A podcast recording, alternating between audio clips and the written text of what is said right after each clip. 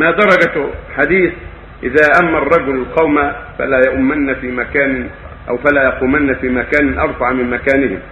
هذا صحيح ولكن محمول على ارتفاع الكثير. أما اليسير فلا بأس فقد صلى النبي صلى الله عليه وسلم على المنبر وارفع من المسجد قام عليه وركع عليه ثم نزل وسجد في أصل المنبر ثم عاد وقام عليه. قال ان فعلت هذا لتعتموا بي ولتعلموا صلاتي. فإذا كان الارتفاع ذراعا أو يقاربه فلا يضر ذلك. أما إذا ارتفع الامام كثيرا فلا ينبغي يكره ذلك.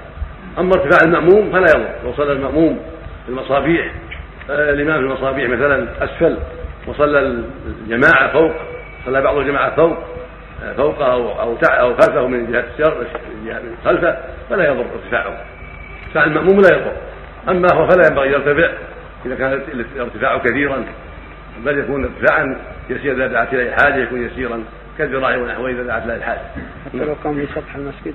نعم. لو صلوا في سطح المسجد. لو صلوا في المسجد لا حرج. ويتبعونه لا يكون أمامه يكون خلفه. لا أمامه.